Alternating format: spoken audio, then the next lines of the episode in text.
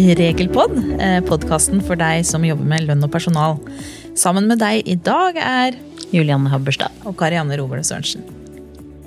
I dag Julianne, da skal vi snakke litt om bompenger.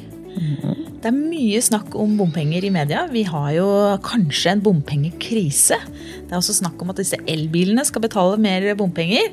Eh, Og dette her har jo også fått forplantninger inn i norske virksomheter. Noen arbeidsgivere de dekker jo bompenger på tjenestereiser.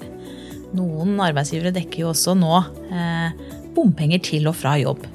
Hvordan blir dette egentlig i forhold til skatteregelverket? Det må vi se litt nærmere på etterpå. Mm, For her finnes det løsninger i skatteregelverket. Det er alltid en løsning i skatteregelverket. Sånn er det, Ja, ja. Så det er fint. Så det er vakkert. Men eh, du hadde lyst til å begynne i dag, for du har noen blodferske, fine nyheter fra trygdeverden. Ja, det er jo eh, Stortinget har jo hatt det travelt med å eh, fatte nye lover og bestemmelser innenfor trygderegelverket eh, i slutten av denne sesjonen. Og de har jo vedtatt noen regelendringer som går rett inn i hverdagslivet trygderettslig på arbeidsplassene. Den første regelen, er noen regler knyttet til sykepenger. Eh, Og så er det noen regler knyttet til foreldrepenger og pleiepenger. Så tenkte vi kunne starte med de med sykepenger. Og der er den første regelendringen er jo liksom todelt. Det er både en avklaring og en regelendring. Og det handler om arbeidsgivers rett til å akseptere flere egenmeldingsdager innenfor arbeidsgiverperioden. Og den rettigheten har ligget der egentlig alltid, men i forbindelse med at IA-regelverket ble endret, eller avtalen da ble endret tidligere i år, så ønsket man å klargjøre det i folketrygdloven at arbeidsgiver innenfor arbeidsgiverperioden kan akseptere så mange egenmeldingsdager man anser det måtte være fornuftig, da. Og ikke, det er jo så, sånn sett en klargjøring av hvordan det har vært før.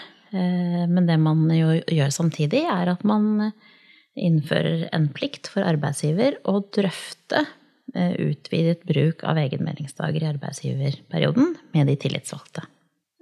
Da er det to ting jeg tenker på når du sier det her. Ja. For det første, hvorfor eh, er det noen arbeidsgivere som vil utvide egenmeldingsperioden? Hva, hva kan være grunnen til at man ønsker å gjøre det sånn? Ja. Hvis man ikke må? Mm. Dette har jo vært en ordning som man har hatt i IA-verden ganske lenge. Eh, og det viser seg jo at det blir ikke noe særlig mer korttidsfravær eh, av, eh, av å ha tillate f.eks. flere enkeltstående dager i arbeidsgiverperiodene. Kanskje motsatt til og med noen ganger, fordi at folk føler ikke at de må ta en tredagers. Eh, ikke sant? Man, Hvor mange tredagers har jeg igjen i år? ja, det hender jo at vi får spørsmål om det hos oss. Eh, Så det er jo den ene driveren. Og så er det jo på en måte med at vi, vi er jo et arbeidsliv hvor, hvor arbeidsgivere og arbeidstakere ønsker mer fleksibilitet. Og mange er flinke til å stå på, så det er også et gode, tenker jeg. Så er det en ting som jeg syns er veldig vanskelig, og det er dette med drøftingsplikt med tillitsvalgte. Har jeg skjønt det riktig når det kun vil gjelde de som har tariffavtale, eller hvordan er egentlig det? Ja, og det er litt sånn lureri, egentlig. Eller i arbeidsmiljøloven, det er jo ikke lureri. Eh, Så er det jo sånn at eh, mange steder så står det at man skal drøfte med tillitsvalgte. Eh, Og da er det jo noen bedrifter som føler seg fritatt umiddelbart fordi de ikke har tariffavtale. Men det er jo ikke riktig. Tillitsvalgt i arbeidsmiljølovens forstand og her i folketrygdlovens forstand vil jo være bare en person som representerer de ansatte. Så dette er noe man må drøfte, også i bedrifter uten tariffavtale. Men har alle bedrifter en sånn person? La oss si jeg er en liten virksomhet med 15 ansatte. Har alle sånne virksomheter en én person som drøfter på vegne av de ansatte? Nei, de har jo ofte ikke det. Eh, Og det bør man jo egentlig ha. Noen ganger så tror jeg, er jeg redd for at det kanskje er det ulykksalige verneombudet. Eller ikke sant? Ikke ulykksalig, for det er jo en veldig viktig jobb. Men det er jo ikke alltid det er så lett å få tak i verneombud heller. Og at disse drøftingene ofte faller på den. Ja. Eh, Og i, i en ideell verden så burde det vært en, en annen person som hadde denne tillitsvalgtalen. For det blir vel ofte sånn på små plasser at det er den ene som på en måte er litt talefør og orker å ta på seg ansvaret for flere, som får flere hatter, da. Ja. Ja. Men eh, her bør man sette seg ned og se på hvilke sånne drøftingsplikter som fins. Det er jo noen også i forhold til eh, arbeidstid. Og så bør man jo utpeke en person, eller prøve å få de ansatte ikke eh, til å velge en person. Gi de, ansatte det som oppgave. Men det var noen andre nyheter òg, var det ikke det? Jo, den, neste nyheten den handler om sykepenger til selvstendig næringsdrivende. Og der har jeg ikke tenkt å si mer enn at kompensasjonsgraden er økt da, fra 1. juli. Eh, Det vil si at eh, en selvstendig næringsdrivende da vil få 80% av sykepengegrunnlaget sitt hvis de blir syke. eh, istedenfor 75% Og da må vi også huske at sykepengene de trer inn med mindre du har en, kjøpt en forsikring eller noe sånt nå, så trer de ikke inn før etter arbeidsgiverperioden er utløpt. Drøftingsplikten for egenmelding den også trer i kraft 1. juli. Altså. Det glemte jeg å si. Mm. Og så er det pleiepenger. Der har Stortinget vedtatt å endre graderingsreglene for pleiepenger. Det er altså ved pleie av syke barn. Eh, og nå er hensikten at de nye reglene de skal være mer fleksible eh, og bedre tilgodese foreldre som har nattlig tilsyn eller er i beredskap om natten. Altså det skal være lettere for de å jobbe gradert også. Så mer av den tilsynstiden skal regnes, da. Mm. Hvilke konsekvenser det kan få for arbeidsgiver når vi får endring i graderingsregler, er jo antageligvis at det blir noe mer fravær. Noe mer permisjonsfravær i den settingen. Så er det en helt ny regel sånn på tampen, og den gjelder foreldrepenger for foreldre som får prematurfødte barn. Eh, der har Stortinget enstemmig vedtatt at foreldrepengeperioden skal forlenges i de tilfeller hvor fødselen skjer før utløpet av den 32. svangerskapsuken. Mm. Så da får de på en måte ekstra uker derfra, og så får de den vanlige potten med foreldrepengeuker fra termin, da. Nå vil det ofte være slik at barn som er født eh, før utløpet av den 32. uken, at de kanskje må ligge på sykehus en periode. Og da vil jo foreldrene ha rett på pleiepenger. Og de pleiepenger, de ukene hvor foreldrene får pleiepenger, de går til fradrag for de ekstra ukene som den ansatte får som følge av for tidlig fødsel. Mm. Eh, denne regelen starter også eh, fra og med 1. juli. Eh, og det er en ny bestemmelse inn i folketrygdlovens kapittel 14. Mm. Det var det som var helt ferske nyheter. I tillegg til dette så har det blitt vedtatt nye varslingsregler i arbeidsmiljøloven, men de trer ikke i kraft før 1.1. Så da tenker jeg at vi kan ta det litt mer grundig når høsten kommer. Kan vi ta det som en liten julegave? Ja, det kan ja. vi gjøre. Ja, Det blir sikkert noen nye regelendringer også i 1.1. Absolutt. Men tilbake til dette litt sånn hotte temaet i media, bompenger. Ja, det er jo sånn at når det er litt sånne temaer i media, så, så dukker det ofte opp i virksomhetene, og så kommer spørsmålene også til oss. Eh, dette med bompenger det er jo en sånn uh, sak vi ofte får spørsmål om, eh, gjerne rundt juletider når man holder på med årsavslutning. Hva skal man gjøre med alle disse fakturaene særlig da, som man har betalt på disse brikkene de ansatte har i bilen? Jeg tenker at her er det egentlig greit å holde fast ved ikke hvor man har vært eller hva man har kjørt, men hva slags type reise man har vært på. Det er jo sånn at Hvis den ansatte er på en, en reise til ikke fast arbeidssted, altså en yrkesreise, eh, så kan jo arbeidsgiver dekke f.eks. kilometergodtgjørelse trekkfritt. Det vil også være trekkfritt å låne arbeidsgivers bil. Sånn vil det også eh, være med bompenger. at Hvis den ansatte får dekket bompengene på en yrkesreise, så vil de være trekkfrie. Hvis det er eh, bompenger som arbeidsgiver har dekket på reise til fast arbeidssted, altså en arbeidsreise, så vil de bompengene alltid være trekkpliktige, altså skattepliktige eh, for den ansatte. Er det annen privatkjøring, så vil også eh, hver passering være skattepliktig. Vi har en tidligere podkast i forhold til grensen mellom hva som er yrkesreise og hva som er arbeidsreise og andre private reiser. Og jeg tenker at den kan være en sånn fin inngangsport til å vurdere disse reisene og dekningen av bompengene. Men hvis det er sånn da, at eh, noen har jo fått en bompassering eh, plassert mellom eh, boligen til mange av de ansatte og arbeidsgivers lokaler, og arbeidsgiver da dekker bompengene til og fra jobb hver eneste dag for å hindre at de ansatte kommer dårlig økonomisk ut da, og ønsker å søke seg ny jobb f.eks., så er det helt klart skattepliktig ytelse for de ansatte. I de tilfellene så, så er det både forskuddstrekk, det er arbeidsgiveravgift for arbeidsgiver og rapportering i avmeldingen. Men uh, betyr det du sier nå, at du sier at arbeidsgiver uh, på en måte står som abonnent da, på denne brikken? Uh, da får man vel en sånn liste over passeringer. Må man egentlig da gå inn og se på passering for passering?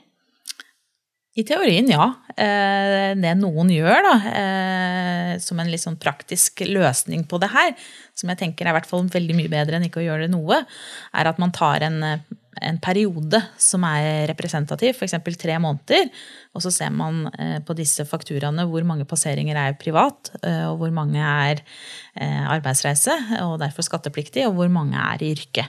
Så lager man en, en, en sånn slags sjablongregel man kan bruke da, internt. Så hvis da 70% er privat, mens kanskje 30% er i yrke, så kan man bruke den seinere i beskatning hvis denne perioden er representativ, istedenfor å sitte og avhuke hver eneste passering hver måned, som for så vidt egentlig er eh, regelen i utgangspunktet. Mm. Men det er jo ikke helt uvanlig at eh, arbeidsgiver tegner abonnement på disse bombrikkene, og så gir man det til de ansatte som, som setter i bilen sin. Men betyr det du sier nå, at arbeidsgiver egentlig må sitte og gå gjennom hver eneste passering, da? Det blir jo i så fall fryktelig mye jobb for eh, den som sitter og jobber med dette hos arbeidsgiver.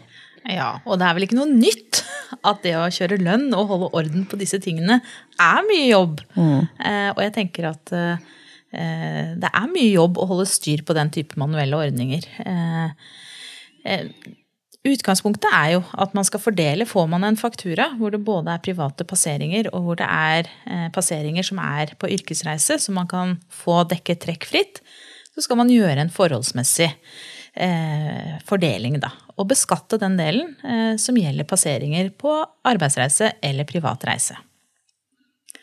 Eh, det jeg hører eh, noen gjør da, som en praktisk løsning, som for så vidt ikke er skissert av skattemyndighetene eller av kemnerkontoret, men eh, hvor det er vanskelig å få til en sånn ordning hvor det er mange ansatte spesielt, det er at man tar en periode som er representativ, f.eks. på tre måneder. Samler man fakturaene, og så gjør man en grundig gjennomgang og fordeler hvilke reiser som er private, og hvilke som er Eh, i yrket, da. Mm. Hvis man da kommer fram til at ca. 70 eh, av disse passeringene i denne perioden er private, så bruker man det som en slags sjablong seinere, og så beskatter man 70 eh, av, av eventuelle seinere fakturaer. Dette er jo ikke noe som eh, skattemyndighetene skisserer som en løsning, men eh, for de som på en måte ikke gjør noe fordi at det, det, er for tungvint og for vanskelig å gjøre noe med, så tenker jeg at det er en veldig mye bedre eh, løsning. Mm. Men når arbeidsgiver gjør den form for eh, vurderinger og den type løsninger, da, så er det vel ganske viktig at det er dokumentert hvordan man har tenkt? Ja, og jeg tenker det å eh, lage en, eh, en, slags vurdering, da, eh, det er jo et, et, godt råd uansett i de tilfellene hvor man enten lurer på om det man gjør er innafor, eh, eller om man er i tvil på andre måter. Det er jo å sette seg ned og skrive ned den vurderingen som er gjort, og hvorfor man har valgt den løsningen man gjør. Det er det jo mange som gjør på flere ulike temaer. Eh, F.eks. på arbeidsklær. Er de skattefrie eller er de skattepliktige? Som kan være sånn vanskelig å vurdere i noen tilfeller. Setter man seg ned og gjør en grundig vurdering. Eh, det er jo ikke alltid at skatteetaten heller klarer å gi den type eh, konkrete svar. ikke sant? Så lag en vurdering og vis hvilke undersøkelser man har gjort, og hvorfor man har gjort som man har gjort og endt opp med den løsningen. Så tenker jeg at Ved et eventuelt bokettersyn da, så, så tenker jeg at det eh, viser at man er en arbeidsgiver som har sett regelverket, forstått regelverket, eh, og tilpasset seg på den måten man mener er riktig. Mm. Du, Arbeidsrettsdelen av meg brenner inne med noe nå. Og det er jo at uh, dette å få dekket uh, bompengene av arbeidsgiveren sin, det er jo ikke noe man nødvendigvis har krav på. Ikke sant? Mm. Det er jo nå snakker vi om det skattemessige. Vi snakker om det skattemessige. Eh, og det er jo noen eh, ansatte som eh, mener at de har krav på det fordi at sånn var det hos forrige arbeidsgiver, f.eks. Men vi er vel enige om at dette kravet er jo ikke lovregulert. ikke sant? Utgiftsgodtgjørelse generelt er jo ikke lovregulert. Det kan jo være noen tariffavtaler som kan ta opp i seg spørsmål knytta til utgiftsgodtgjørelser. Mm. Men dette med bompenger, det er nok stort sett da en avtale på arbeidsplassen, eller med enkeltansatte hvor som dette gjelder. da. Ja, Og som et alternativ til å dekke bompasseringer, så vil man jo kanskje kunne bare forhandlet om litt høyere fastlønn.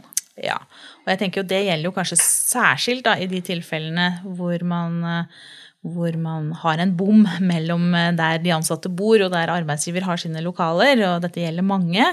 Så istedenfor å få alle disse regningene som skal betales og skilles ut, og hva er privat og hva er yrke osv., så, videre, eh, så er det nok mange som føler at det er en mer hensiktsmessig måte. å Beregne hva det innebærer for hver enkelt ansatt, og gi et generelt tillegg i lønn. Mm. Det er jo ingen som vil ha krav på det, selvfølgelig. Eh, dette er jo en avtale mellom den ansatte og arbeidsgiver, men som da noen bruker som et forhandlingskort da, på arbeidsplassen. Mm. Ja, det blir jo sikkert ikke siste ord sagt om bompenger, tenker jeg. Nei, og jeg tenker at vi sikkert tar det opp igjen for å minne dere på det når det nærmer seg årets slutt. Så da blir det varsling om bompenger til årets slutt? ja, det kan du si. Men uh, da er vi egentlig gjennom de temaene som vi hadde tenkt å, å, å ha her i dag.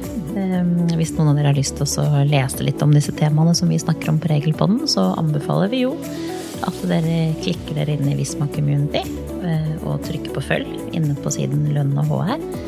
Der legger vi løpende ut eh, fagartikler, eh, nyheter og endringer og litt sånn sesongbaserte temaer. Ja, det er jo en fin måte å holde seg oppdatert på i en ellers litt sånn urolig regelsituasjon for eh, de som jobber med lønn og personal. Mm.